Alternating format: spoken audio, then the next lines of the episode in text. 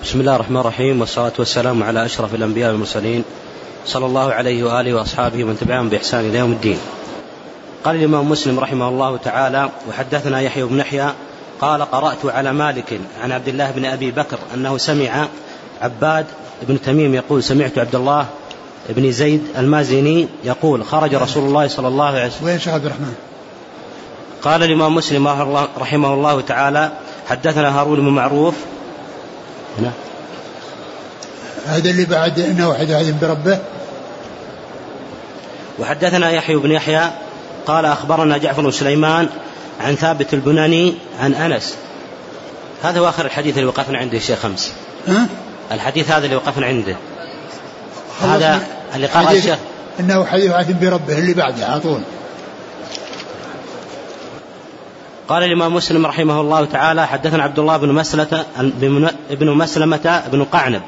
قال حدثنا سليمان يعني بن بلال عن جعفر وهو ابن محمد عن عطاء بن أبي رباح أنه سمع عائشة رضي الله عنها زوج النبي صلى الله عليه وآله وسلم تقول كان رسول الله صلى الله عليه وآله وسلم إذا كان يوم الريح والغيم عرف ذلك في وجهه وأقبل وأدبر فإذا آه، مطرت سر سري به وذهب عنه ذلك. قالت عائشة فسألته فقال إني خشيت أن يكون عذابا سلط على أمتي ويقول إذا رأى المطر رحمة. نعم. اقرأ.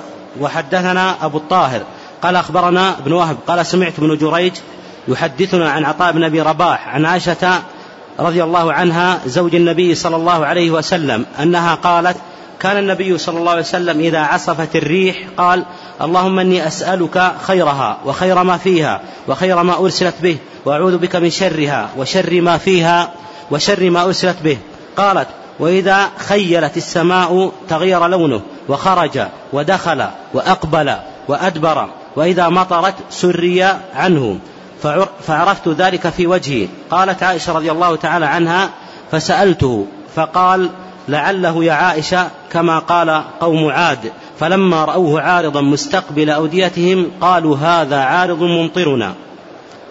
وحدثني هارون بن معروف قال حدثنا ابن وهب عن عمرو بن الحارث حاء وحدثني أبو الطاهر قال أخبرنا عبد الله بن وهب قال أخبرنا عمرو بن الحارث أن أبا النضر حدثه عن سليمان بن يسار عن عائشة رضي الله تعالى عنها زوج النبي صلى الله عليه وآله وسلم أنها قالت ما رأيت رسول الله صلى الله عليه وآله وسلم مستجمعا ضاحكا حتى أرى منه لهاتة وإنما كان يتبسم.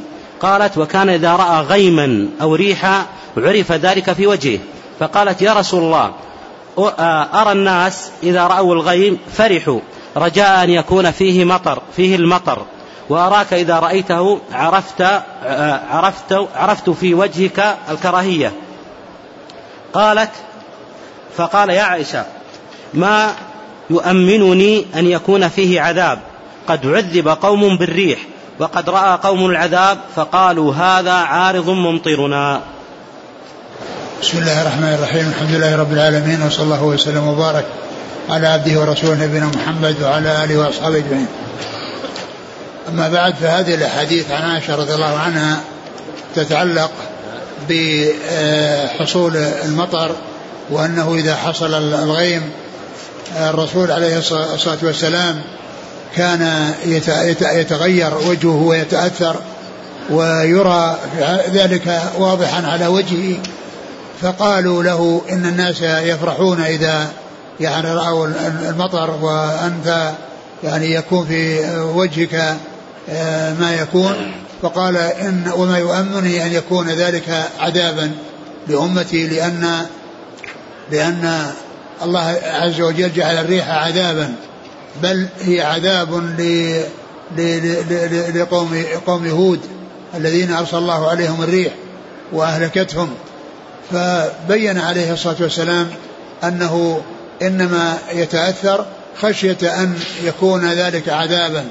فإذا نزل المطر سري عنه وسر بذلك وقال هذه رحمة. أي هذا هذا الذي حصل رحمة من الله عز وجل.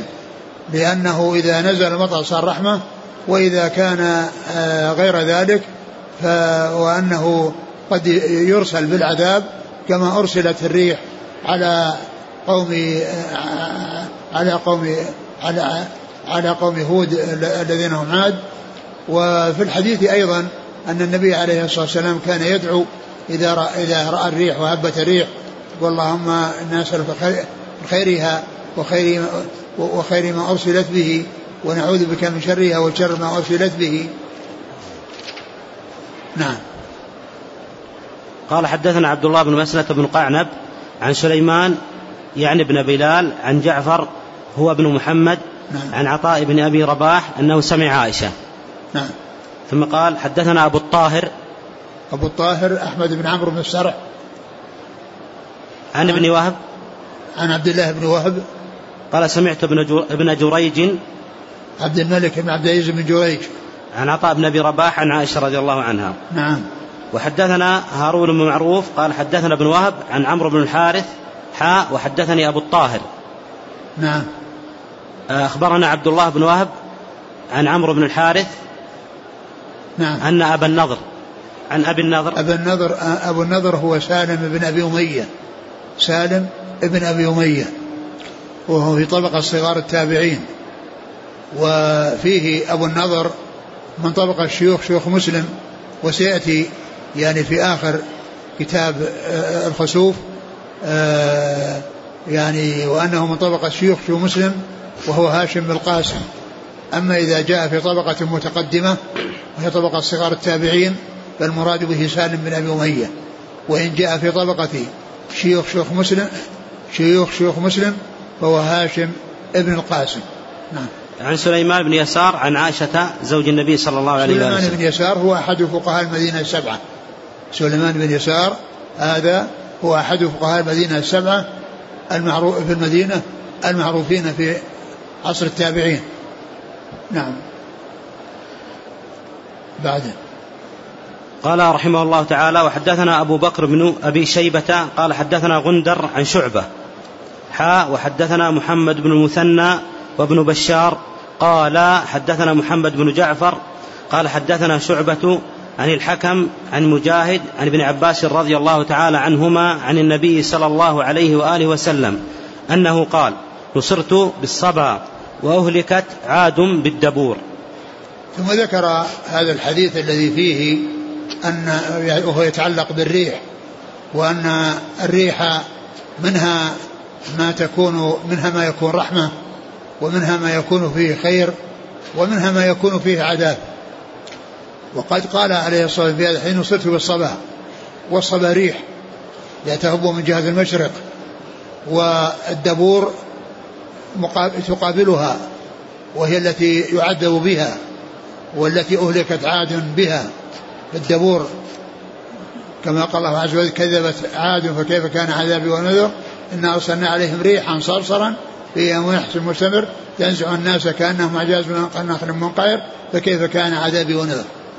فأهلكت عاد بالدبور والدبور هو هي الريح الشديدة آه، العاتية التي تأتي وهي تأتي من جهة المغرب. وهي مقابلة للصباح. مقابلة للصباح. يقول الحافظ بن حجر ويقال لها القبول الذي هي الصباح. قال ومن ومن حسن الاتفاق أن أن أن أن القبول هي لأهل القبول. يعني الذين القبول الذي هي الريح لأهل القبول الذين قبلوا الدعوة وصاروا يعني إلى الخير وأن الدبور لأهل الإدبار. والإعراض عن الحق والهدى الذي أمروا به. نعم. قال حدثنا أبو بكر بن أبي شيبة نعم. عن غندر. غندر هو محمد بن جعفر جاء ذكره في إحدى الطريقين بلقبه وفي الطريق الثانية الذي بعد هذا باسمه. عن شعبة. شعبة بن الحجاج. وحدثنا محمد بن مثنى وابن بشار. نعم. قال حدثنا محمد بن جعفر عن شعبة. محمد بن جعفر هو غندر الذي تقدم يعني ذكره يعني في طريق بلقبه وذكره في الطريقة الثانية باسمه. عن شعبة عن الحكم. الحكم بن عتيبة الكندي. عن مجاهد بن جبر المكي. عن مجاهد عن ابن عباس رضي نعم. الله تعالى نعم. عنهما. قال وحدثنا أبو بكر بن أبي شيبة وأبو كريب قال حدثنا أبو معاوية حا وحدثنا عبد الله بن عمر بن محمد بن أبان الجعفي قال حدثنا عبده يعني, يعني ابن سليمان كلاهما عن الأعمش عن مسعود بن مالك عن سعيد بن جبير عن ابن عباس رضي الله تعالى عنهما عن النبي صلى الله عليه وآله وسلم بمثله. نعم. حدثنا أبو بكر بن أبي شيبة نعم. وأبو كريب محمد بن علاء بن كريب. عن أبي معاوية وهو محمد بن خازم الضرير الكوفي. عن عبد الله بن عمر بن محمد بن أبان الجعفي آه. عن عبدة بن سليمان نعم. كلاهما عن الأعمش سليمان بن مهران الكاهلي نعم. عن مسعود بن ابن مالك آه. عن سيد بن جبير عن ابن- عن ابن عباس رضي الله تعالى عنهما عن النبي صلى الله عليه وآله وسلم. نعم. قال رحمه الله تعالى وحدثنا قتيبة بن سعيد عن مالك بن أنس عن هشام بن عروة عن أبيه عن عائشة. حاء وحدثنا أبو بكر بن أبي شيبة واللفظ له. قال حدثنا عبد الله بن نمير. قال حدثنا هشام عن أبيه عن عائشة رضي الله تعالى عنها قالت خسفت الشمس في عهد رسول الله صلى الله عليه وآله وسلم فقام رسول الله صلى الله عليه وآله يصلي, يصلي فأطال القيام جدا ثم ركع فأطال الركوع جدا. ثم رفع رأسه فأطال القيام جدا وهو دون القيام الأول.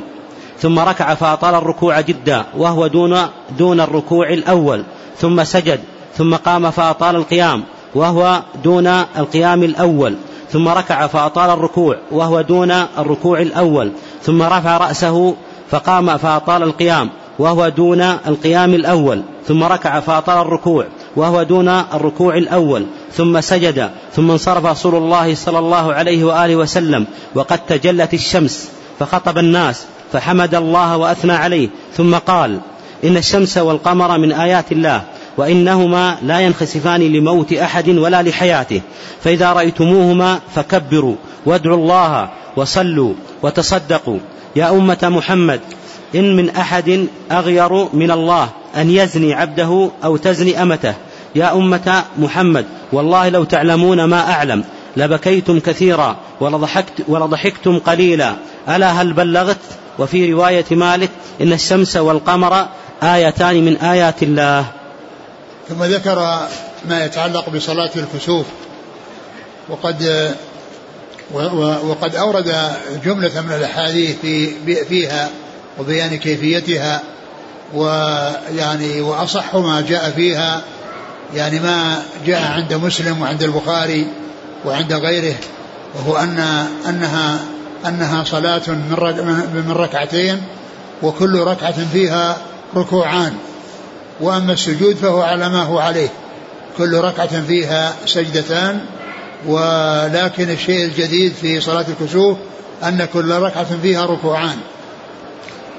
فصلاة الكسوف هي تماثل صلاة العيدين وتماثل صلاة الجمعة وصلاة الاستسقاء إلا أنها تختلف عنها بأن كل ركعة فيها ركوعان. كل ركعة فيها ركوعان وفيها إطالة القراءة وإطالة القيام والركوع. هذه صلاة الاستسقاء التي ثبتت عن النبي عليه الصلاة والسلام في الأحاديث الصحيحة. غيرها ثبت بصيغ أخرى ولكنها لا تثبت ولكن الذي ثبت هذه الهيئة وهذه الكيفية كونه صلى الله عليه وسلم صف الناس وصلى جماعة وكبر وقرأ يعني قراءة طويلة ثم ركع ركوعا طويلا ثم رفع وقرأ قراءة طويلة ثم رفع ثم رفع من الركوع ثم سجد سجدتين يعني كما كما كما هو لأن قال ثم سجد لأن السجود ليس فيه شيء يخالف ما جاء في الصلوات الأخرى وهو أن كل ركعة فيها سجودان. وإنما الشيء الجديد هو أن كل ركعة فيها ركوعان وأن فيها إطالة القراءة إطالة القيام وإطالة الركوع وإطالة وإطالة السجود و وأنه يؤتى بالقراءة في حال القيام مرتين مرة بعد تكبيرة الإحرام ومرة بعد الركوع الذي يعني الأول وأما الركوع الثاني فليس بعده إلا الاعتدال ثم النزول إلى السجود. ثم النزول للسجود هذه صفة صلاة الكسوف التي ثبتت عن رسول الله صلى الله عليه وسلم. وذكر يعني في في يعني الحديث الآخر أن الرسول عليه الصلاة والسلام خطب الناس وبين لهم يعني يعني أمورا يعني يخوفهم فيها وينبههم فيها. على يعني آه، طاعة الله وطاعة رسوله والبعد عن معصية الله ومعصية رسوله. وقال إن الله تعالى يغار وأن أن وأن وأن أنه لا أحد أغير من الله وأنه يغار أن تزني عبده وأمته وأن هذا أن حصول المعاصي له سبحانه وتعالى أنه يغار يعني فيها وأنه يكره ذلك ويمقته وفيه صفة الغيرة لله سبحانه وتعالى كغيرها من الصفات على وجه يليق بكماله وجلاله. وقال لو تعلمون ما أعلم لضحكتم قليلا ولبكيتم كثيرا. يعني لو أطلعهم الله عز وجل على ما أطلعه عليه وما أعلمه إياه مما يتعلق بالأمور التي آه، يعني من من من من العذاب وما يتعلق بالقبر وما يتعلق بالحشر وما يتعلق بما بعد ذلك لا لا لا قل ضحكهم وكثر بكاؤهم. قل ضحكهم وكثر بكاؤهم. نعم. قال حدثنا قتيبة بن سعيد عن مالك بن أنس عن هشام بن عروة عن أبيه عن عائشة. نعم. ها وحدثنا أبو بكر بن أبي شيبة واللفظ له عن عبد الله بن نمير عن نعم. هشام. هشام بن عروة نعم. عن أبيه عن عائشة رضي الله تعالى عنها. نعم. قال رحمه الله حدثناه يحيى بن يحيى أخبرنا أبو معاوية عن هشام بن عروة بهذا الإسناد وزاد ثم قال أما بعد فإن الشمس والقمر من آيات الله. ثم قال يعني ذكر أنه لما خطب الناس فقال إنهما آيتان من آيات الله لا ينخسفان لموت أحد ولا لحياته. لا ينخسفان لموت أحد ولا لحياته. فهما يعني ليس حصولهما لموت عظيم ولا لولادة عظيم وإنما هما آيتان من آيات الله. الله تعالى يتصرف في كل شيء ويتصرف فيهما فالذي جعل فيهما الإضاءة والإشراق هو الذي يسلب ذلك عنهما ويحولهما إلى إلى حالة يعني فيها الظلمة وفيها التغير والتأثر وفي هذا دليل على أن أن كل شيء بيد الله. وأن كل شيء يرجع إلى الله وأن الذي أنه هو الذي يغير الأحوال من حال إلى حال ويغير الشمس والقمر من من حال إضاءتهما وإشراقهما إلى حال ذهاب ضوئهما وذهاب نورهما. وقد يذهب بالكلية يعني فيصير الظلام في النهار يعني فيما يتعلق بالنسبة للشمس وقد يذهب جزئيا سواء كان كسوف الشمس والقمر إما أن يكون جزئيا وإما أن يكون كليا وكل منهما آه، يفزع الناس إلى الصلاة. ولما كان موت آه، كسوف الشمس حصل في اليوم الذي مات فيه ابنه إبراهيم وكان مما هو معروف بالجاهلية أنهم يقولون إنها إن الشمس تنكسف لموت عظيم بين عليه الصلاة والسلام يعني هذا الخطأ وهذا الاعتقاد وأنهما لا, يمو لا ينكسفان لموت عظيم. ولهذا قال أيضا ولا لحياته. لا لموت ولا لحياة. وإنما هو آيتان من آيات الله يخوف الله بهما عباده. يعني أن الذي جعلهما على حالة حسنة غيرهما وبدل حالتهما إلى أن تكون على حالة فيها التغير والظلمة وعدم الاستفادة من, من ذلك النور فيكون ذلك دافعا للناس إلى أن يخشوا الله عز وجل وأن يخافوه وأن لا, وأن لا يحصل لهم التغير أو التغيير من حالة طيبة إلى حالة أخرى. كما قال الله عز وجل إن الله لا يغير ما بقوم حتى يغيروا ما بأنفسهم. وقال ذلك بأن الله لم يكن مغيرا نعمة أنعمها على قوم حتى يغيروا ما بأنفسهم. نعم. قال شيخنا فإذا رأيتموهما فكبروا وادعوا فإذا رأيتموهما فكبروا يعني اذكروا الله عز وجل. يعني يذكرون الله عز وجل ويصلون. يعني يصلون صلاة الكسوف ويذكرون الله عز وجل لكن إذا صلوها ولم يتجلى فإنهم يستمرون في الذكر والدعاء ولا يعيدون الصلاة أو يكررونها لأن الكسوف لا يزال باقيا. بل إذا فرغوا من الصلاة والكسوف موجود فإنهم لا يكررون الصلاة ولا يعيدونها وإنما يستمرون في الذكر والدعاء. قال فكبروا وادعوا فكبروا وادعوا وصلوا وتصدقوا. نعم يعني ذكر يعني أنهم يتكبرون ويتصدقون ويصلون يصلون صلاة الكسوف ويتصدقون لأن الصدقة هذه من أسباب دفع البلاء ورفع البلاء. نعم. قال حدثناه يحيى بن يحيى عن أبي معاوية عن هشام بن عروة بهذا الإسناد. وزاد حدثنا يحيى بن يحيى. قال حدثناه يحيى بن يحيى. إيه يحيى بن يحيى عن عن أبي معاوية. نعم أبو معاوية محمد بن قاسم الضرير الكوفي. عن هشام بن عروة. نعم. بهذا الإسناد. وزاد ثم قال أما بعد فإن الشمس والقمر من آيات الله. وزاد نعم. أيضا ثم رفع يديه فقال اللهم هل بلغت يعني بعدما خطب وبين لهم ما بين قال اللهم هل بلغت يعني يعني يعني معناه أنه بلغهم وذكرهم وأخبرهم بما فيه سعادتهم وبكل ما يعود عليهم بالمضرة فقال اللهم هل بلغت. قال رحمه الله حدثني حرملة بن يحيى قال أخبرني ابن وهب قال أخبرني يونس حاء وحدثني أبو الطاهر أبو الطاهر ومحمد بن مسلمة بن مسلمة المرادي. قال حدثنا ابن سلمة مسلمة المرادي. المرادي. قال حدثنا ابن وهب عن يونس عن ابن شهاب. قال أخبرني عروة بن الزبير عن عائشة زوج النبي رضي الله عنها. زوج النبي صلى الله عليه وسلم. قالت خسفت الشمس في عهد رسول الله صلى الله عليه وآله وسلم. فخرج رسول الله صلى الله عليه وآله وسلم إلى المسجد.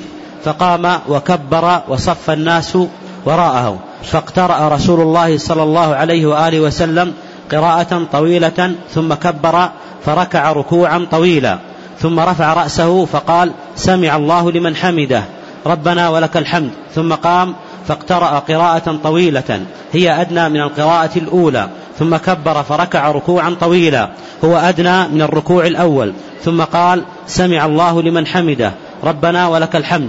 ثم سجد ولم يذكر أبو الطاهر ثم سجد. ثم فعل في الركعة الأخرى مثل ذلك حتى استكمل أربع ركعات وأربع سجدات. وانجلت الشمس قبل أن ينصرف. ثم قام فخطب الناس فأثنى على الله بما هو أهله. ثم قال إن الشمس والقمر آيتان من آيات الله لا ينخسفان لموت أحد ولا لحياته. فإذا رأيتموها فافزعوا للصلاة. وقال أيضا فصلوا حتى يفرج, يفرج الله عنكم. وقال رسول الله صلى الله عليه وسلم رأيت في مقام هذا كل شيء وعدتم حتى لقد رأيتني أريد أن آخذ قطفا من الجنة. حين رأيتموني جعلت أقدم. وقال المرادي أتقدم. ولقد رأيت جهنم يحطم بعضها بعضا. حين رأيتموني تأخرت ورأيت فيها ابن لحي وهو الذي سيب السوائب. وانتهى, وانتهى حديث أبي الطاهر عند قوله فافزعوا للصلاة ولم يذكر ما بعده. ثم ذكر هذا الحديث عن عائشة من طريق أخرى وفيه بيان الكيفية لصلاة الكسوف مثل ما تقدم في الأحاديث السابقة وقال في أربع ركعات وأربع سجدات. المقصود بالركعات الركوعات يعني معناه كل ركعة فيها ركوعان وسجدتان. السجدتان هذه موجودة في جميع الصلوات. ولكن الركوعان هما اللذان اختصت بهما صلاة الكسوف.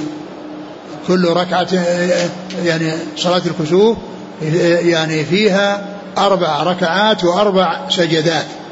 يعني في كل ركعة ركوعان وسجدتان.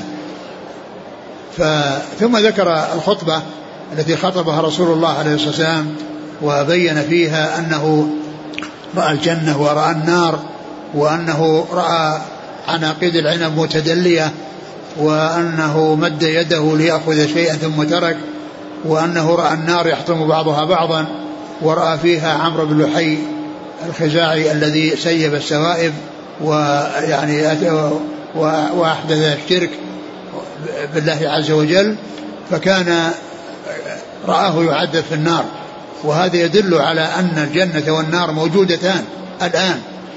وأن الله وأن من من ينعم فيه ما ينعم ومن يعذب فيه ما يعذب ويكون ذلك في القبر.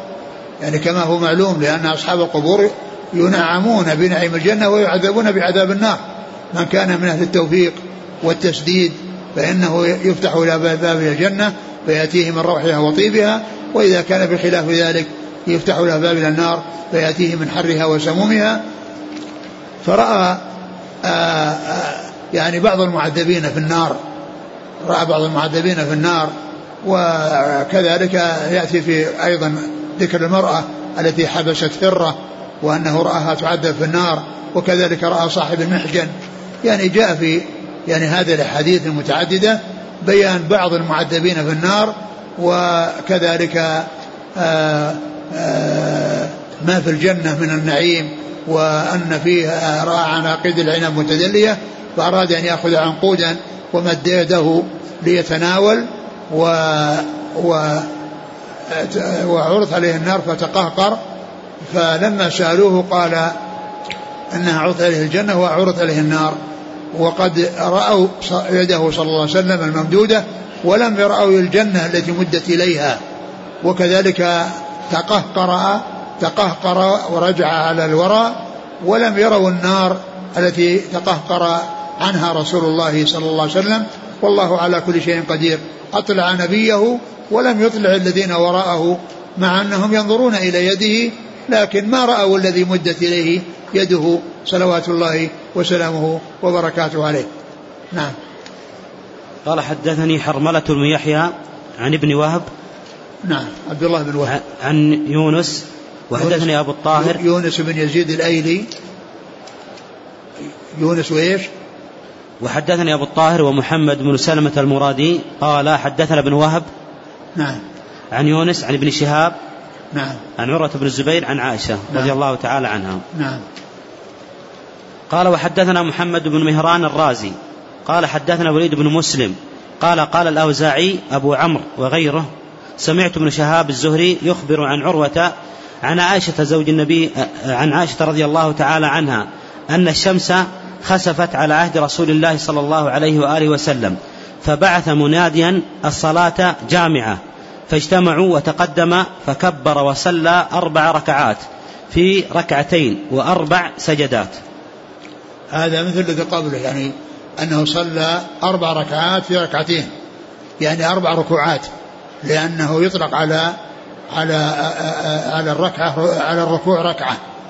قال أربع ركوعات وأربع سجدات في ركعتين. يعني كل ركعة فيها ركوعان وسجودان. السجدان هذا الأصل في جميع الصلوات. وأما الركوعان فهما كما عرفنا مختصان بصلاة بصلاة الكسوف. نعم.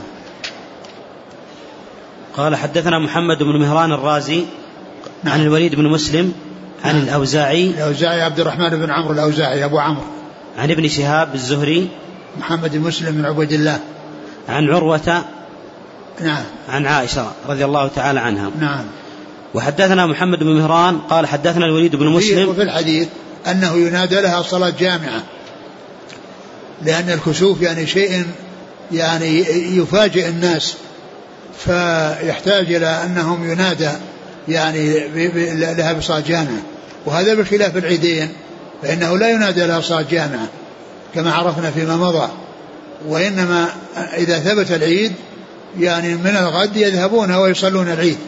إذا يعني فيما يتعلق بعيد الأضحى معروف ذلك من دخول الشهر وأن الناس يعرفون يوم العيد ويوم عرفة وأيام التشريق و وذلك معلوم من أول الشهر حيث يثبت دخول الهلال.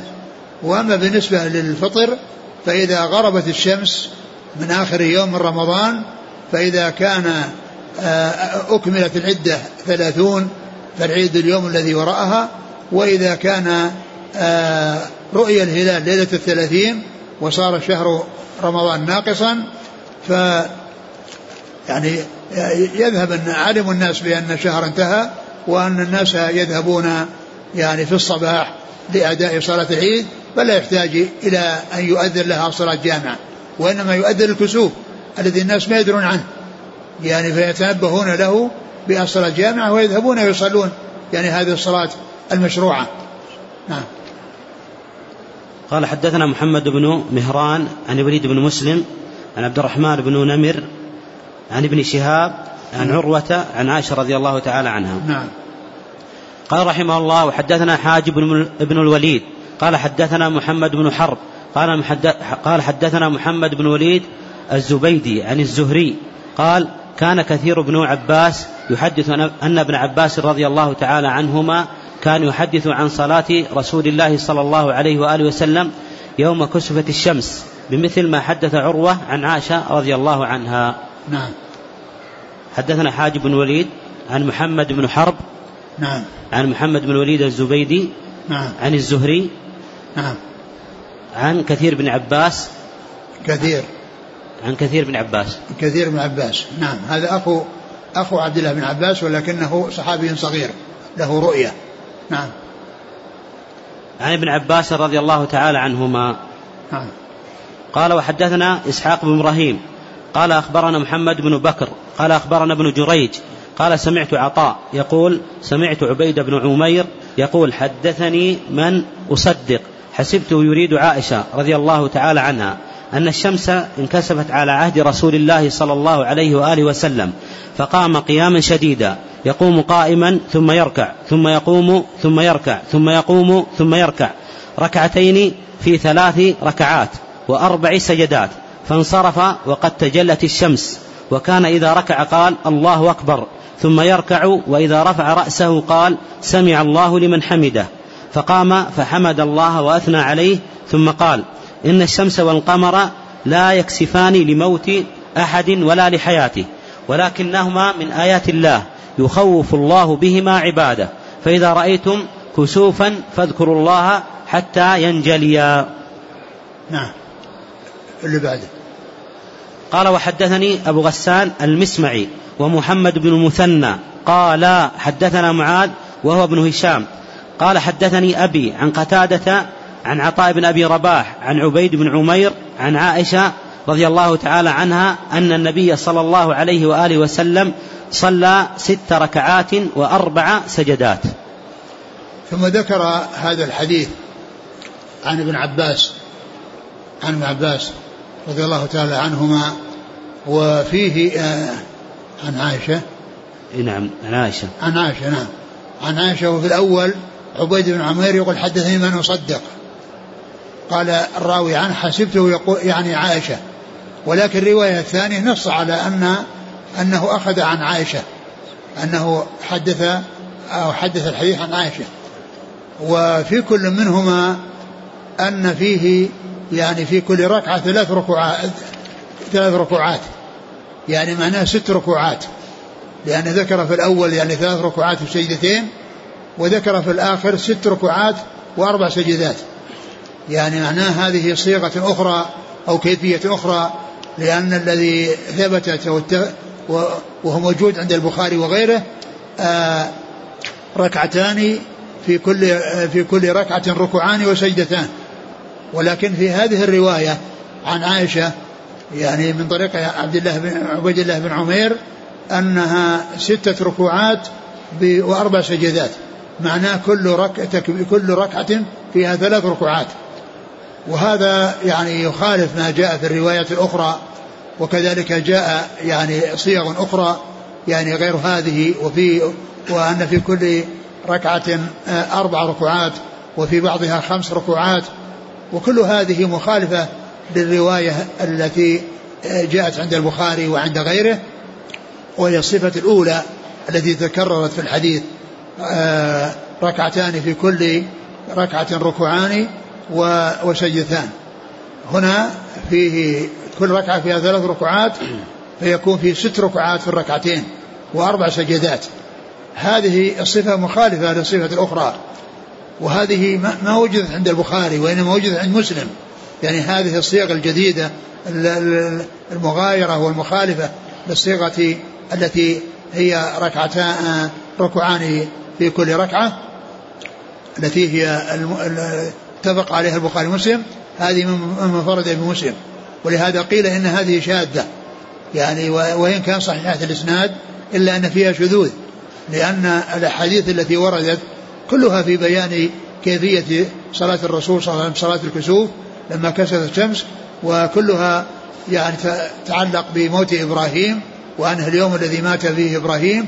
فإذا هي صلاة واحدة ما تكررت ويرجح ما كان آه، توافقت أو اتفقت عليه الروايات وهو كل ركعة فيها ركوعان فتكون الروايات الأخرى عند مسلم هذه وغيرها من الصفات الشاذة أو الروايات الشاذة التي يعني هي من حيث الإسناد يعني ثابتة ولكنها مخالفة مغايرة للروايات الأخرى التي هي اتفق عليها الشيخان. نعم. قال حدثنا إسحاق بن إبراهيم. الحنظلي أبو راهويه عن محمد بن بكر. نعم. عن ابن جريج. نعم عبد الملك بن عبد العزيز بن جريج. عن عطاء. بن أبي رباح. عن عبيد بن عمير. نعم. عن عائشة, عن عائشة رضي الله تعالى نعم. عنها. قال وحدثني أبو غسان المسمعي. هو مالك بن عبد الواحد. ومحمد بن المثنى نعم. عن معاذ هو ابن هشام. نعم. هو ابن هشام. نعم معاذ بن هشام عن أبيه. عن هشام بن السوائي. نعم. عن قتادة عن عطاء عن عبيد عن عائشة رضي الله تعالى عنها. نعم. قال رحمه الله تعالى وحدثنا عبد الله بن مسلمة القعنبي. حدثنا سليمان يعني بن بلال. عن يحيى عن عمرة. أن يهودية أتت عائشة رضي الله تعالى عنها تسألها فقالت أعاذك الله من عذاب القبر. قالت عائشة رضي الله تعالى عنها فقلت يا رسول الله يعوذ الناس في القبور يعذب الناس في القبور؟ قالت عمرة فقالت عائشة رضي الله تعالى عنها قال رسول الله صلى الله عليه وآله وسلم عائذا بالله. ثم ركب رسول الله صلى الله عليه وسلم ذات غداة مركبا فخسفت الشمس. قالت عائشة رضي الله تعالى عنها فخرجت في نسوة بين ظهري الحجر. في المسجد. فأتى رسول الله صلى الله عليه وآله وسلم من مركبه حتى انتهى إلى مصلاه الذي كان يصلي فيه. فقام وقام الناس وراءه. قالت عائشة رضي الله تعالى عنها فقام قياما طويلا ثم ركع. فركع ركوعا طويلا ثم رفع. فقام قياما طويلا وهو دون القيام الأول ثم ركع. فركع ركوعا طويلا وهو دون ذلك الركوع. ثم رفع وقد تجلت الشمس. فقال إني قد, رأي إني قد رأيتكم تفتنون في القبور كفتنة الدجال. قالت عمرة فسمعت عائشة رضي الله تعالى عنها تقول فكنت أسمع رسول الله صلى الله عليه وآله وسلم بعد ذلك يتعوذ من عذاب النار وعذاب القبر. ثم ذكر هذا الحديث الذي فيه صلاة الكسوف وفيه ذكر التعوذ بالله من عذاب القبر وأن الناس يعذبون في قبورهم. وقد جاءت يهودية إلى عائشة وقالت لها عادك الله من عذاب القبر فأخبرته بذلك فأخبرها الرسول صلى الله عليه وسلم يعني بأن بعذاب القبر وبثبوته وأنه يتعوذ بالله من عذاب يتعوذ بالله من عذاب القبر. وذكرت أن الرسول صلى الله عليه وسلم ركب مركبا وأن الشمس كسفت وأنه رجع وحتى دخل المسجد وصلى بالناس وصلى بالناس صلاة صلاة الكسوف و وأنها تجلت الشمس وهو في الصلاة وأنه بعدما فرغ منها يعني خطب الناس. أعد مثل الحديث. قال قال آه أن يهودية أتت عائشة رضي الله تعالى عنها تسألها نعم. فقالت أعاذك الله من عذاب القبر. قالت عائشة رضي الله تعالى عنها فقلت يا رسول الله يعذب الناس في القبور؟ يعني قالت هذا هذا قبل أن يعرفوا. يعني عائشة قبل أن تعرف يعني هذا الحكم ولهذا سألت الرسول صلى الله عليه وسلم وأخبرها بأنهم يعذبون وأنه كان يتعوذ بالله من عذاب القبر. نعم. قالت عمرة فقالت عائشة رضي الله تعالى عنها قال رسول الله صلى الله عليه وآله وسلم عائذا بالله ثم ركب رسول الله صلى الله عليه وسلم ذات غداة مركبا فخسفت الشمس. قالت عائشة رضي الله تعالى عنها فخرجت في نسوة بين ظهراني بين ظهري الحجر في المسجد. فأتى يعني رسول الله يعني خرجت من الحجر لتصلي صلاة الكسوف مع رسول الله صلى الله عليه وسلم. نعم. فأتى رسول الله صلى الله فأتى رسول الله صلى الله عليه وسلم من مركبه حتى انتهى إلى مصلاه. الذي كان يصلي فيه فقام وقام الناس وراءه. قالت عائشة رضي الله تعالى عنها فقام قياما طويلا ثم ركع فركع ركوعا طويلا ثم رفع فقام قياما طويلا وهو دون القيام الأول ثم ركع فركع ركوعا طويلا وهو دون ذلك الركوع ثم رفع وقد تجلت الشمس. فقال إني قد رأيتكم تفتنون في القبور كفتنة الدجال.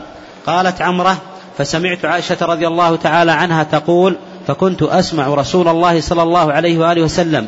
بعد ذلك يتعوذ من عذاب النار وعذاب القبر. يعني معنى الرسول صلى الله عليه وسلم صلى ركعة بركوعيها وبعد ذلك تجلت الشمس ومعلوم أنه أكملها عليه الصلاة والسلام وخطب الناس يعني بعد ذلك.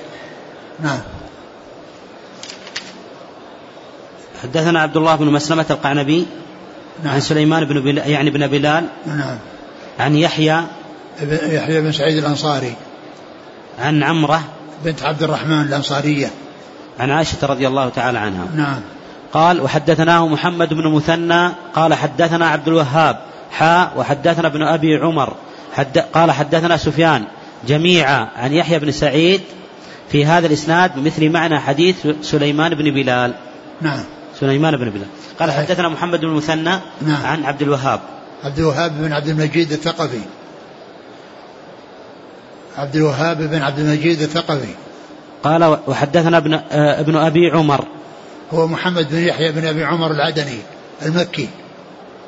عن سفيان. هو بن عيينة. يعني إذا جاء ابن عمر ابن أبي عمر يروي عن سفيان فالمصيب بن عيينة. عن يحيى بن سعيد. يحيى بن سعيد الأنصاري.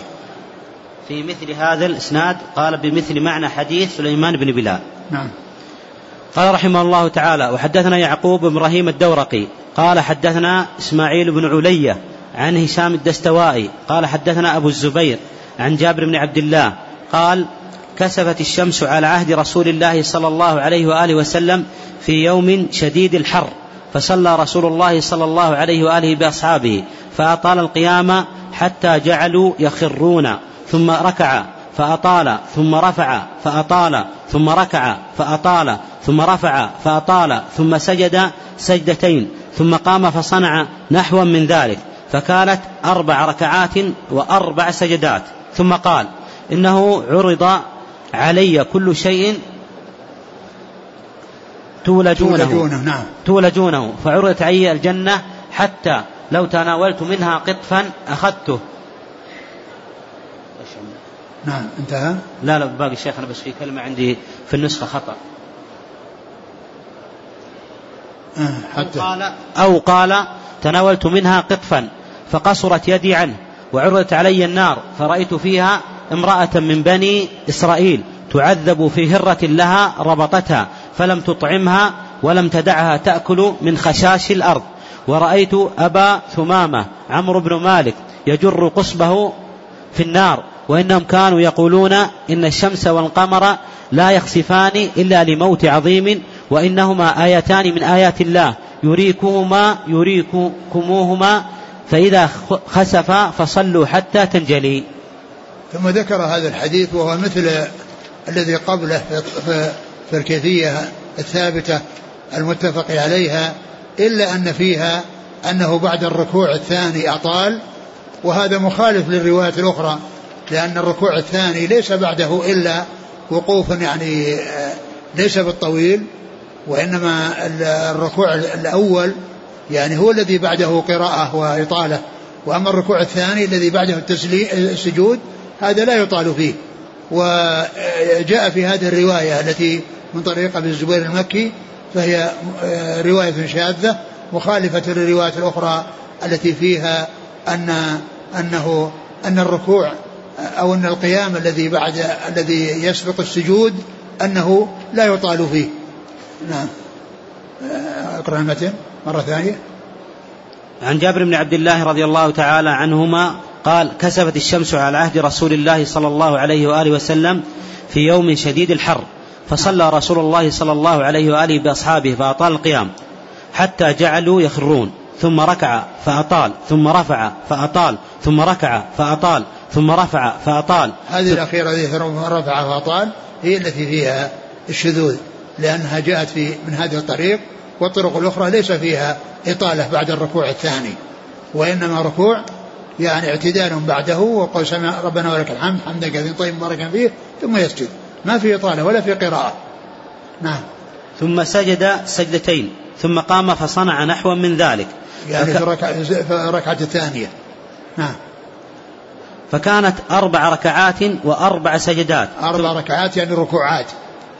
أربع ركوعات وأربع سجدات في ركعتين. نعم. ثم قال إنه عرض علي كل شيء آه، تولجونه. عرض علي شيء كل تولجونه كل شيء تولجونه. يعني تدخلون إياه وذلك مثل القبر لأن هذا يعني يولجون إياه يدخلون إياه وكذلك المحشر وكذلك الجنة والنار يعني يعني يولجون إياها يعني يدخلون فيها. نعم فعرض عليه القبر وعرض عليه الحشر وعرض عليه الجنة وعرض عليه النار وهذه هي التي يولجها الناس يعني يدخلها يدخلها الناس. فعرضت علي الجنة حتى لو تناولت منها قطفا أخذته أو قال تناولت منه قطفا فقصرت يدي عنه. جاء, جاء في بعض الروايات أنه أراد أن يأخذ وتركه وقال لو أخذت منه قطفا لأكلتم ما بقيت الدنيا. يعني عنقود واحد يأكل الناس إلى نهاية الدنيا لأن نعيم الجنة يختلف عن نعيم نعيم الدنيا. ولهذا شاء الله عز وجل أن يكون غيبا ولا يكون علانية لأنه لو جاءهم في الدنيا لصارت أمور الآخرة علانية والله شاء أن تكون غيبا حتى يتميز من يؤمن بالغيب ويستعد للآخرة ومن, ومن, ومن يكون بخلاف ذلك. نعم.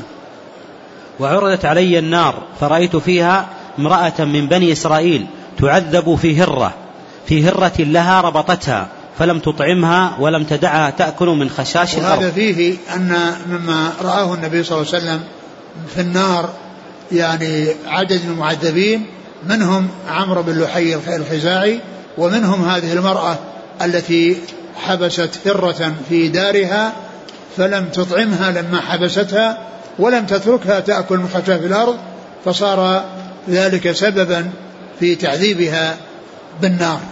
نعم. قال ورأيت أبا ثمامة عمرو بن مالك يجر قصبه في النار. قصبه يا معاء نعم. وإنهم كانوا يقولون إن الشمس والقمر لا يخسفان إلا لموت عظيم. وإن يعني في الجاهلية يقولون أن الشمس والقمر لا يخسفان إلا لموت عظيم. وأن الشمس والقمر آيتان من آيات الله. فمن من الكفار من يعبد الشمس والقمر. والعبادة إنما هي لخالق الشمس والقمر. لا تكون للشمس والقمر. فالشمس والقمر آيتان من آيات الله. ليستا يعني خالقتان ولا معبودتان وإنما الخالق هو الله وحده وهو الذي يستحق, يستحق العبادة يعني وحده. وكذلك أيضا يعني ما كان يعتقدها الجاهلية من أنها تكون عند موت عظيم. هذا غير صحيح. وإنما هما من آيات الله التي يخوف الله تعالى بهما عباده. نعم. وإنهما آيتان من آيات الله يريكهما يريكموهما. فإذا خسف فصلوا حتى تنجلي. نعم فصلوا حتى تنجلي. وإن صلوا وهي لم تنجلي يعني لا يكررون الصلاة. وإنما يستمرون في الذكر والدعاء. نعم. قال حدثني يعقوب إبراهيم الدورقي عن نعم إسماعيل بن علية. إسماعيل بن إبراهيم مقسم الأسدي المعروف. بابن علية وهي أمه. عن هشام الدستوائي. نعم. عن أبي الزبير. هشام بن أبي عبد الله الدستوائي. عن ابن أبي الزبير محمد مسلم ابن تدرس المكي. عن جابر بن عبد الله رضي الله تعالى عنهما. نعم. قال وحدثنيه أبو الغسان أبو غسان المسمعي. المسمعي. قال المسمعي. نعم. قال حدثنا عبد الملك بن الصباح عن هشام بهذا الإسناد مثله إلا أنه قال ورأيت في النار امرأة حميرية سوداء طويلة ولم يقل من بني إسرائيل. نعم. وحدثني أبو غسان المسمعي مرة عن عبد الملك بن الصباح. عن عبد الملك بن الصباح نعم. عن هشام بهذا الإسناد. نعم. قال قال رحمه الله تعالى حدثنا أبو بكر بن أبي شيبة قال حدثنا عبد الله بن نمير حاء وحدثنا محمد بن عبد الله بن نمير وتقاربا في اللفظ. قال حدثني حدثنا أبي قال حدثنا عبد الملك عن عطاء عن جابر رضي الله تعالى عنه قال انكسفت الشمس في عهد رسول الله صلى الله عليه وآله وسلم يوم مات إبراهيم ابن رسول الله صلى الله عليه وآله وسلم. فقال الناس إنما انكسفت لموت إبراهيم. فقام النبي صلى الله عليه وآله وسلم فصلى بالناس ست ركعات بأربع سجدات فبدأ فكبر ثم قرأ فأطال القراءة ثم ركع نحوا مما قام. ثم رفع رأسه من الركوع فقرأ قراءة دون القراءة الأولى ثم ركع نحوا مما قام ثم رفع رأسه من الركوع فقرأ قراءة دون القراءة الثانية ثم ركع نحوا مما قام ثم رفع رأسه من الركوع ثم انحدر بالسجود فسجد سجدتين ثم قام فركع أيضا ثلاث ركعات ليس فيها ركعة إلا التي قبلها أطول منها من التي بعدها وركوعه نحوا من سجوده. ثم تأخر وت... ثم تأخر وتأخرت الصفوف. وتأخرت الصفوف خلفه حتى انتهينا. وقال أبو بكر حتى انتهى إلى النساء. ثم تقدم وتقدم الناس معه حتى قام في مقامه فانصرف حين انصرف. وقد أضاءت الشمس. فقال يا أيها الناس إنما الشمس والقمر آيتان من آيات الله وإنهما لا ينكسفان لموت أحد من الناس. وقال أبو بكر لموت بشر. فإذا رأيتم شيئا من ذلك فصلوا حتى تنجلي. ما من شيء توعدونه إلا قد رأيته في صلاتي هذه. لقد جيء بالنار. وذلك حين رأيتموني تأخرت. مخافة أن يصيبني من لفحها وحتى رأيت فيها صاحب المحجن يجر, يجر قصبه في النار. كان يسرق الحجاج كان يسرق الحجاج بمحجنه. فإن فطن له قال إنما تعلق بمحجني وإن غفل عنه ذهب به وحتى رأيت فيها صاحبة الهرة التي رابطتها فلم تطعمها ولم تدعها تأكل من خشاش الأرض حتى ماتت جوعا ثم جيء بالجنة وذلكم حين رأيتموني تقدمت حتى قمت في مقامي ولقد مددت يدي وأنا أريد أن أتناول من ثمرها لتنظروا إليه ثم بدا لي ألا أفعل. فما من شيء توعدونه إلا قد رأيته في صلاتي هذه. ثم ذكر هذا الحديث وهو مثل الذي قبله فيه ست ركوعات وأربع سجدات وهذا اللفظ شاذ ليس بثابت وإنما الثابت آآ آآ كل ركعة فيها ركوعان وسجدتان كل ركعة فيها ركوعان وسجدتان. وأما هذه الرواية فهي مثل الرواية السابقة التي فيها ست ركوعات وأربع سجدات فهي شاذة. يعني وإن كان صحيحة الإسناد إلا أنها المعول على على المحفوظ الذي هو آآ آآ ركوعان في في ركوعان في كل ركعة وسجودان في كل في كل ركعة. نعم. ثم ذكر ما يتعلق بخطبته صلى الله عليه وسلم وبين من رآه. وأنه رأى الجنة والنار وأنه لما رأى يعني رأى النار تقهقر والناس تقهقروا وراءه فكل صف وراءه تقهقر ثم إنه رجع ورجعوا ثم إنه ورأى في النار يعني صاحبة الهرة التي حبستها ورأى فيها صاحب المحجن الذي كان يسرق به الحاج الذي كان يسرق به الحاج والمحجن هو عصا محنية الرأس. يعني يمر على الحجاج وأمتعتهم موضوعة على الأرض فيعني يجعل هذا المحجن في في مزودة من المز... من متاعهم فيعني يسحبها فيتنبهوا له. قال علقت محجني ما درت عنه. وإن لم يتنبهوا له مضى فيها مضى يعني يعني وأخذها. فرآه عليه الصلاة والسلام من المعذبين في النار. وكما عرفنا أن من يستحق العذاب يعني في النار يعذب في قبره بعذاب النار. كان أن كما أن المنعم يعني في قبره يصل إليه من نعيم الجنة. نعم. قال حدثنا أبو بكر بن, بن أبي شيبة عن عبد الله بن نمير. نعم. حاوى حدثنا محمد بن عبد الله بن نمير. نعم. عن أبي. عن نعم. أبي نعم. قال حدثنا عبد الملك. نعم. عن عطاء. عن. جابر. نعم نفس الإسناد اللي راح نعم. قال رحمه الله تعالى حدثنا محمد بن علاء الهمداني قال حدثنا ابن نمير قال حدثنا هشام عن فاطمة عن أسماء رضي الله تعالى عنها قالت خسفت الشمس على عهد رسول الله صلى الله عليه وآله وسلم فدخلت على عائشة رضي الله تعالى عنها وهي تصلي فقلت ما شأن الناس يصلون؟ فأشارت برأسها إلى السماء فقلت آية؟ قالت نعم. فأطال رسول الله صلى الله عليه وآله وسلم القيام جدا حتى تجلاني الغشي فأخذت قربة من ماء إلى جنبي فجعلت أصب على رأسي أو على وجهي من الماء. قالت فانصرف رسول الله صلى الله عليه وآله وسلم وقد تجلت الشمس فخطب رسول الله صلى الله عليه وآله وسلم الناس فحمد الله وأثنى عليه. ثم قال أما بعد ما من شيء لم أكن رأيته إلا قد رأيته في مقام هذا حتى الجنة والنار وإنه قد أوحي إلي أنكم تفتنون في القبور قريبا أو قال مثل فتنة المسيح الدجال.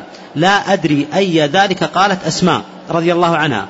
فيؤتى أحدكم فيقال ما علمك بهذا الرجل؟ فأما المؤمن أو نعم. قال فأما المؤمن أو الموقن. لا أدري أي ذلك قالت أسماء. فيقول هو محمد. صلى الله عليه وسلم. هو رسول الله. صلى الله عليه وسلم. جاءنا بالبينات والهدى فأجبنا وأطعنا ثلاث مرار. فيقال له نم قد كنا نعلم أنك لتؤمن به. فنم صالحا. وأما المنافق أو المرتاب لا أدري أي ذلك قالت أسماء. فيقول لا أدري سمعت الناس يقولون شيئا فقلت. ثم ذكر بعد ذلك يعني هذا الحديث عن أسماء رضي الله تعالى عنها تعلق في صلاة الكسوف وأن وأن وأنها دخلت المسجد ورأت عائشة تصلي وكانت ما تدري إيش الذي حصل فقالت ما هذه الصلاة؟ فأشارت برأسها إلى السماء. يعني عائشة أشارت إلى السماء برأسها فقال فقالت آية فأشارت برأسها أن نعم هنا قال فقالت نعم. وليس معنى ذلك أنها تكلمت بلسانها وإنما أشارت. ولهذا جاء في صحيح البخاري الحديث وفيه فلما قالت لها آية فأشارت برأسها أن نعم. أشارت برأسها أي نعم.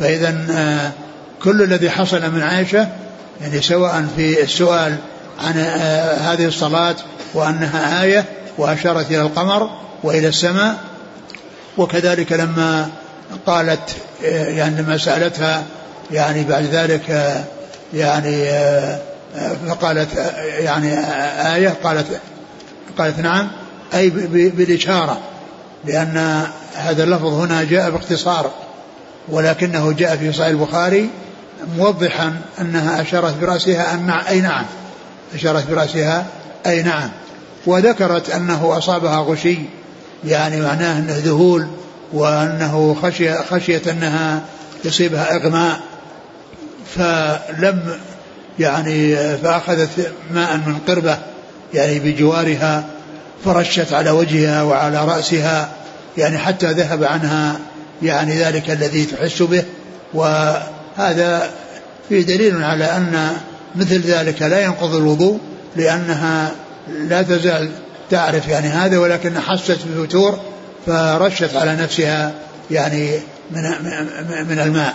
ثم ذكر آه، ذكرت ما جاء في الحديث عن الرسول صلى الله عليه وسلم فإنه لما خطب الناس وقال إن الناس يفتنون في قبورهم وأنهم يسألون عن الرسول صلى الله عليه وسلم فالموفق يجيب بأنه رسول الله جاء بالحق واتبعناه. وأما المنافق والمرتاب فيعني يقول ها ها لا أدري. نعم. قال حدثنا محمد بن العلاء الهمداني. هو أبو كريب. عن ابن نمير. عن عبد الله بن عبد الله بن نمير. عن هشام. هشام بن عروة. عن فاطمة. فاطمة بنت المنذر هذه زوجته. هشام بن عروة بن الزبير يروي عن زوجته فاطمة بنت المنذر بن الزبير هي ابنة عمه وهو يروي عنها. نعم. عن أسماء.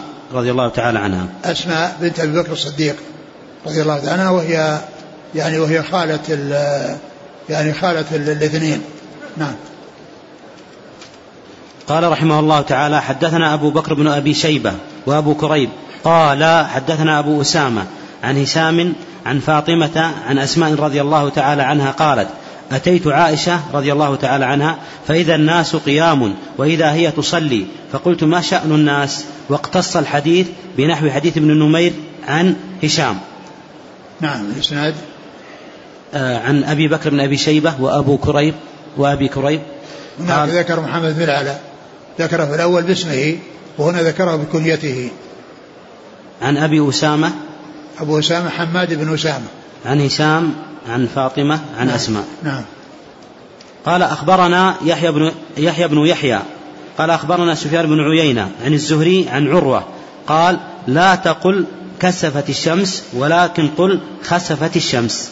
وهذا أثر يعني عن عروة ولكن يعني آآ آآ كل منهما يقال يقال كسفت الشمس ويقال خسفت الشمس ولا يقال إن الأمر مقصور على الخسوف بل يقال خسفت الشمس فيقال خسفت الشمس وكسفت الشمس وخسف القمر وكسف القمر. واذا هذا رأي يعني ل ل من هو؟ عروة؟ نعم عروة. نعم. إنما هو رأي لعروة وإلا فإنه يجوز أن يقال لكل من الشمس والقمر خسوف وكسوف. ولهذا جاء ينكسفان ينخسفان. نعم. قال أخبرنا يحيى بن يحيى عن سفيان بن عيينة عن الزهري عن نعم. عروة. نعم. قال رحمه الله تعالى حدثنا يحيى وهذا وهذا الأثر يسمى المقطوع لأن لأن لأن المرفوع ما انتهى إلى الصحابي. الاسناد يعني إذا انتهى إلى الصحابي قال مرفوع وإن انتهى إلى انتهى إلى الرسول صلى الله عليه وسلم قال مرفوع وإن انتهى إلى الصحابي يقال له موقوف. وإن انتهى إلى من دونه يقال له مقطوع. يقال له مقطوع. فالمقطوع هو المتن الذي انتهى إلى من دون الصحابي وهو غير المنقطع لأن المنقطع من صفات الإسناد وأما هذا من صفات المتن المنقطع من صفات الإسناد يعني ساقط رجل أو رجلين هذا قال له منقطع. وأما المقطوع فهو متن انتهى إلى من دون الصحابي. متن انتهى إلى من دون الصحابي. نعم. قال رحمه الله تعالى حدثنا يحيى بن حبيب الحارثي قال حدثنا خالد بن الحارث قال حدثنا ابن جريج قال حدثني منصور بن عبد الرحمن عن أمه صفية بنت شيبة عن أسماء بنت أبي بكر رضي الله تعالى عنهما أنها قالت فزع النبي صلى الله عليه وآله وسلم يوما قالت تعني يوم كسفت الشمس فأخذ درعا حتى أدرك بردائه فقام للناس قياما طويلا. لو أن إنسانا أتى لم يشعر أن النبي صلى الله عليه وآله وسلم ركع ما حدث أنه ركع من طول القيام. نعم اللي بعده. وحدثني قال وحدثني سعيد بن يحيى الأموي قال حدثني أبي قال حدثنا ابن جريج بهذا الإسناد مثله وقال قياما طويلا يقوم ثم يركع. وزاد فجعلت أنظر إلى المرأة أسن مني وإلى الأخرى هي أسقم مني. نعم. وحدثني أحمد بن سعيد الدارمي قال حدثنا حبان قال حدثنا وهيب قال حدثنا منصور عن أمه عن أسماء بنت أبي بكر الصديق رضي الله تعالى عنهما قالت كسفت الشمس على عهد النبي صلى الله عليه وآله وسلم ففزع فأخطأ بدرع حتى أدرك بردائه. بعد ذلك قالت فقضيت حاجتي ثم جئت ودخلت المسجد فرأيت رسول الله صلى الله عليه وآله وسلم قائما فقمت معه فأطال القيام حتى رأيتني أريد أن أجلس ثم التفت إلى المرأة إلى المرأة الضعيفة فأقول هذه أضعف مني فأقوم فأركع فأركع فأقوم فأركع فأطال الركوع ثم رفع رأسه فأطال القيام حتى لو أن رجلا جاء خيل إليه أنه لم يركع. ثم ذكر هذا هذا الحديث من هذه الطرق عن عن أسماء بنت أبي بكر رضي الله تعالى عنها وأنها جاءت والرسول صلى الله عليه وسلم يصلي بالناس الكسوف وأنها دخلت في الصلاة وأنها يعني أنه أطال القيام وأنها يعني يعني حست بالتعب وأنها أرادت تجلس ولكنها رأت يعني من النساء من تكون ضعيفة ومن تكون كبيرة فقالت هذه يعني أسوأ حالا مني فرأت أنها تفعل مثل ما فعلنا وألا تجلس وأن حصول يعني مثل القيام من هاتين المرأتين الكبيرة والضعيفة أنها من باب أولى أن تكون مثلهن وألا تجلس وهن وهن قائمات. ف يعني آه، آه، وفي بعض الروايات أن أن الرسول لما علم الكسوف خرج فزعا وأخذ درعا يعني أخطأ فيه يحسب أنه رداءه وإذا هو درع يعني من أحد ثياب ثياب إحدى نسائه فلحقوه وأعطوه الرداء ورجعوا الدرع. وفيه إشارة إلى فزعه وإلى يعني شدة خوفه صلى الله عليه وسلم. حيث حصل منه هذا الخطأ بأن تناول الدرع يحسب أنه يعني رداءه فذهب به ولحقوه بالرداء وأخذوا الدرع وأعادوه. إيش إيش بعدين يقول؟ قال شيخنا حتى أخذ درعا فقام للناس نقرأ الأسئلة شيخنا. الأسئلة؟ لا الحديث آخر الحديث. بعده باب بعدها أيضا شيخنا تكمل حديث كسوف الشمس إيش؟ بعده حديث ابن عباس انكسفت الشمس على عهد رسول الله صلى الله عليه وسلم آخر الحديث اللي فيه يعني منصور بن عبد الرحمن يروي عن أمه صفية بن شيبة هذا آخر حديث وقفنا عنده ها؟ آخر حديث وقفنا عنده حديث أسماء أيوة وبعده إيش؟ بعد حديث شيخنا حديث عبد الله بن عباس في نفس الباب ها؟ في نفس الباب أيوة انكسفت الشمس على عهد رسول الله صلى الله عليه وسلم. حديث عبد الله بن عباس رضي الله عنهما. في طريق محمد بن عبد الرحمن؟ أيوه في أيضا حديث أسماء. محمد بن عبد الرحمن عن أمه صفية بن شيبة؟ أيوة منصور بن عبد الرحمن عن أمه أيوة. صفية بنت شيبة عن أسماء بنت أبي بكر الصديق. أيوة. وأيضا تكمل نفس الحديث عن أسماء بنت أبي بكر الصديق. هذا حديث آخر إسناد آخر ثم حديث عبد الله بن عباس. أيوة اقرأ حديث ابن عباس. لم ننتهي شيخنا من إسناد ها؟ ما انتهينا من إسناد أسماء. كيف؟ حديث أسماء؟ إيه. ما انتهينا منه. طيب هات. الأسانيد شيخنا. هات. قال حدثنا يحيى بن يحيى الحارثي. قال عن خالد بن الحارث عن ابن جريج عن منصور بن عبد الرحمن. عن عن. قال حدثنا يحيى بن حبيب الحارثي عن إيه. خالد بن الحارث. عن خالد بن عن خالد بن الحارث عن ابن عن ابن جريج عن منصور بن عبد الرحمن إيه. عن امه صفية بنت شيبة. أيوه وهما من بني عبد الدار. يعني آه، صفية بن شيبة وابنها محمود منصور بن عبد الرحمن هم من بني عبد الدار سدنة الكعبة. ها.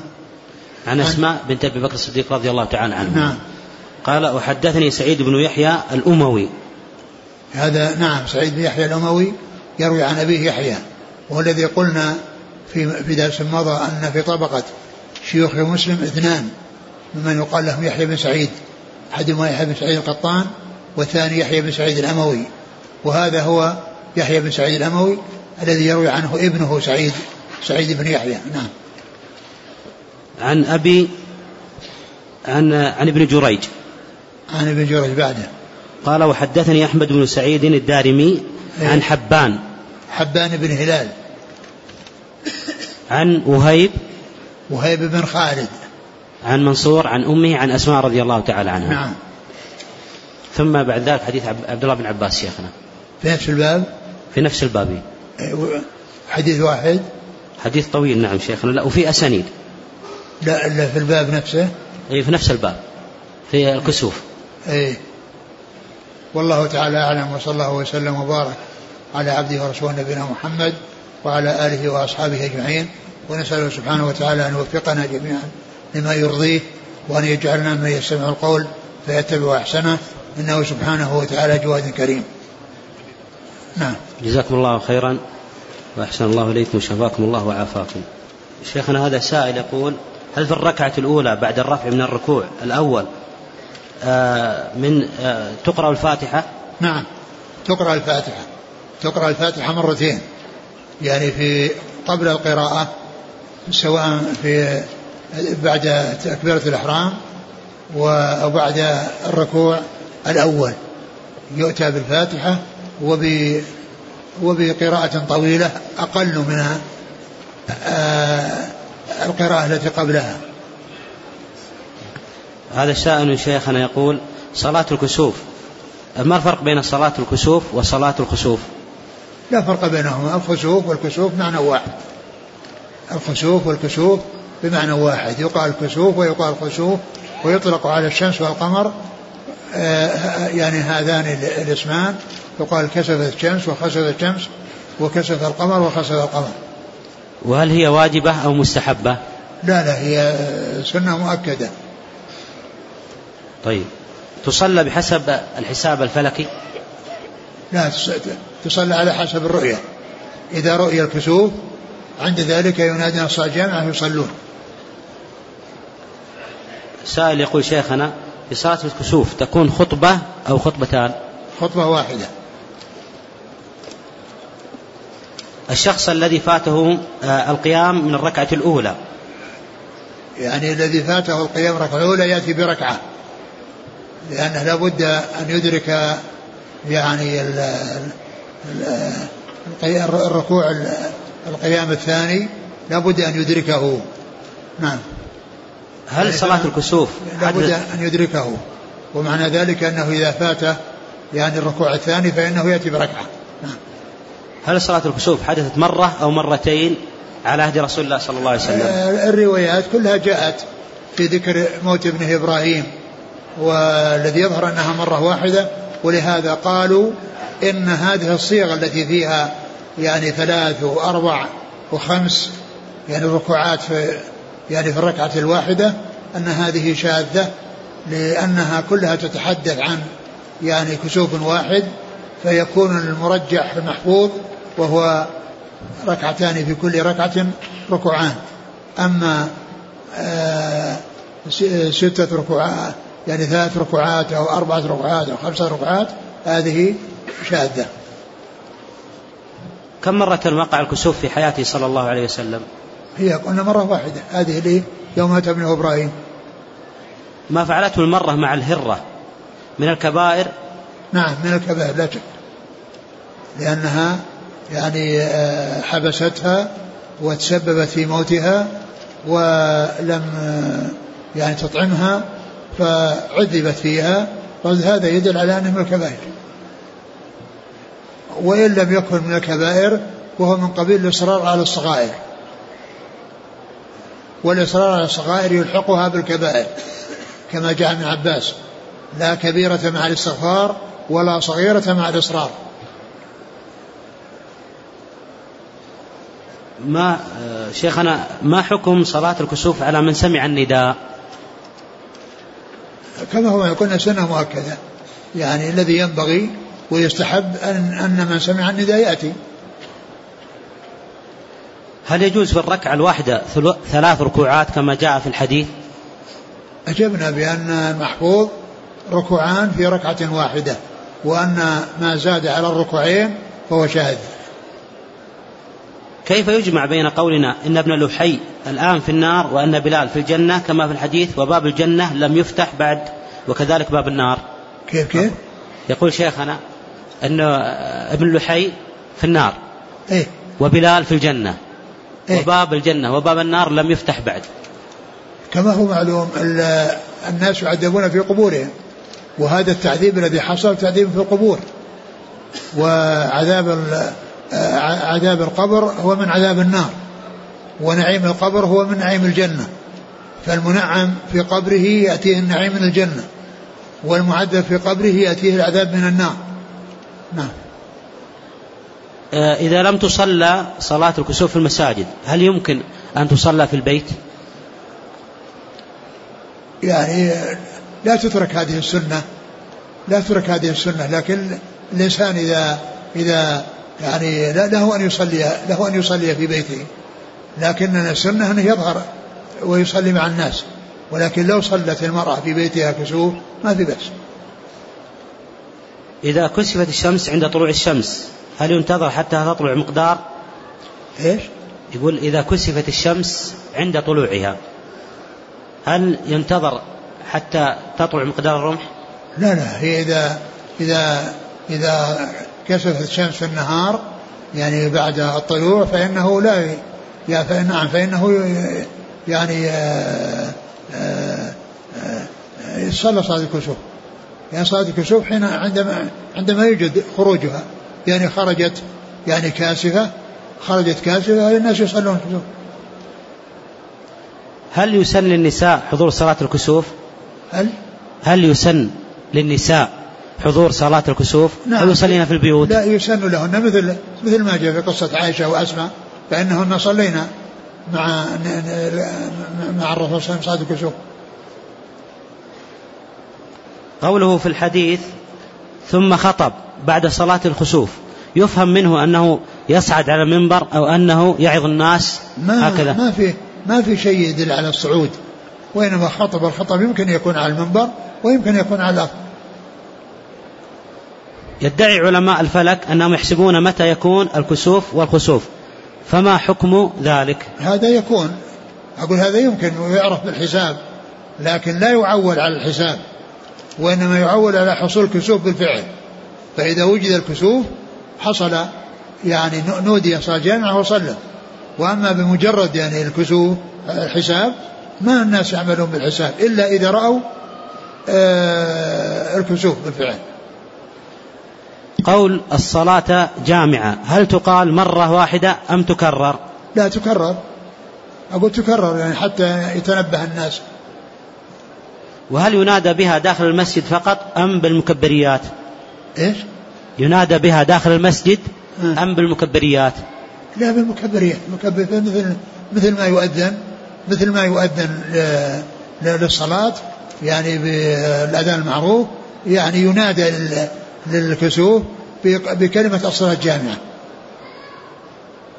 يقول ما معنى يجر قصبه في النار؟ يجر قصبه يعني أمعاءه. يعني أمعاء يصحبها. كسفت الشمس بعد العصر فما علمنا إلا بعد العصر بنصف ساعة ثم صلينا إلى وقت غروب الشمس. فهل عملنا هذا صحيح؟ إذا وجد الكسوف صلوا. وإذا غربت الشمس وإذا غربت خلاص انتهى. إذا غربت الشمس وهي كاسفة خلاص ينتهي الأمر.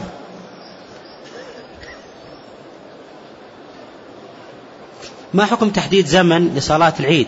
ويعلن عنها مثلا. كان يقول الإمام غدا الصلاة الساعة كذا الساعة ثمانية الساعة سبعة.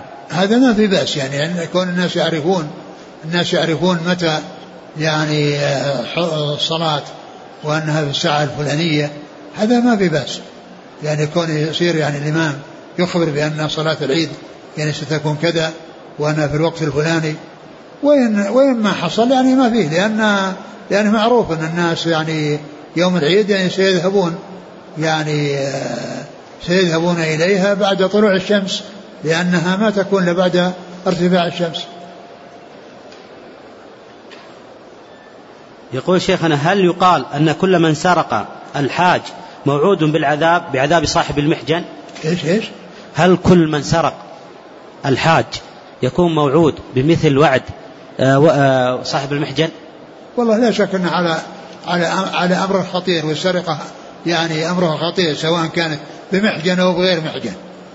سواء كانت محجن أو غير محجن لكن هذا يعني في في في تحايل يعني في سرقة يعني آآ آآ ليست آآ يعني صريحة كأنه يقول لأنه يقول علق بمحجني. يعني الناس فطنوا له قال علق بمحجني. وإذا فطنوا خلاص مشى. كيف الجمع بين ما روته عائشة رضي الله تعالى عنها من تغير وجه النبي صلى الله عليه وآله وسلم خشية نزول العذاب وبين قوله تعالى وما كان الله ليعذبهم وأنت فيهم؟ آه، يمكن أن يكون يعني العذاب مو بعذاب استئصال يعني يحصل لهم عذاب ويحصل لهم ضرر. نعم. ما معنى امرأة حميرية سوداء؟ يعني من حمير من قبيلة حمير. جاء أن من علامات الساعة ثلاث خسوفات خسف بالمشرق وخسف بالمغرب وخسف بجزيرة العرب. نعم. فكيف تكون الخسوفات في أوقات متقاربة هذا هذا هذا خسف يعني آه، الهبوط إليه في الأرض يعني. يعني خسف يعني خسف في الأرض يعني. يعني هبوط هذا هو الخسف. هل يستدل من فعل عائشة رضي الله تعالى عنها أنه يجوز إذا سئل أحدهم وهو يصلي أن يجيب إشارة ولو نعم. كانت صلاة فريضة؟ نعم. نعم يعني يشير. إذا هذا يشير. بل حتى السلام إذا سلم الإنسان وعليه وهو يصلي يشير. يرد السلام بالإشارة. هكذا جاءت السنة. يعني في الإشارة للحاجة في الصلاة لا بأس بها وإنما الممنوع هو الكلام. وكذلك في الخطبة. يعني خطبة الجمعة ما يجوز الكلام فيها لكن يعني إذا احتاج يشير إشارة آه، يصح. لأن الصلاة فيها إشارة. وليس فيها كلام والخطبة فيها إشارة وليس فيها كلام. عند سماع القرآن في التلفاز أو الراديو هل للمستمع أن يسجد سجود التلاوة مع القارئ؟ لا لا. لا لا ما يسجد. لأن الذي يسجد يعني يكون معك. وقد يكون يعني هذا الذي يسجد يعني في في المشرق ولا في المغرب. يعني هذا الذي يقرأ. وقد وقد إذا سجد فيسجد يعني وهو في جهة وأنت في جهة. فالإنسان لا لا يعني يسجد ولا يصلي خلف المذياع. وإنما يكون آه، السجود لمن عندك آه، يقرأ وأنت تستمع له. فإذا سجد تسجد. وأما بالنسبة للمذياع ما تسجد. أشكل علي كيف الجمع بين حديث بشروا المشركين في النار إذا مررتم على قبورهم وبين قاعدة عدم تعيين أحد بجنة أو نار إلا بدليل. يعني من كان يعني معروف معروف أنه مات على الكفر يعني ناس كفار ماتوا على الكفر هم الذين. وأما يعني الذي لم يمت على الكفر يعني هذا الذي آه آه الذي حصل من الموت وهو كافر هذا هو الذي يحكم بكفره. أما قبل ذلك فقد يسلم كما أن المسلم قد يرتد ويموت على الردة ولهذا قال فيموت وهو كافر. لا يرتد منكم من دينه فيموت وهو كافر. نعم. خطبت امرأة أوروبية وسميت لها مهرا وهي مسلمة ولكنها ما وجدت ولي لأن أبويها ليسا بمسلمين. هل يصح أن أنكحها بدون ولي؟ لا. لا بد من الولي والسلطان ولي من لا ولي له. هل عذاب القبر يكون على الروح والبدن؟ للروح والجسد جميعا. لأن الإحسان حصل من الروح والجسد والإساءة حصلت من الروح والجسد وكل منهما يعذب. والروح تنعم متصلة بالجسد ومنفصلة عنه. والعذاب يحصل للاثنين لأن الإساءة حصلت من الاثنين وكذلك النعيم يحصل للجسد والروح لأن الإحسان حصل من الجسد والروح والله تعالى أعلم. وصلى الله وسلم على عبده ورسوله نبينا محمد.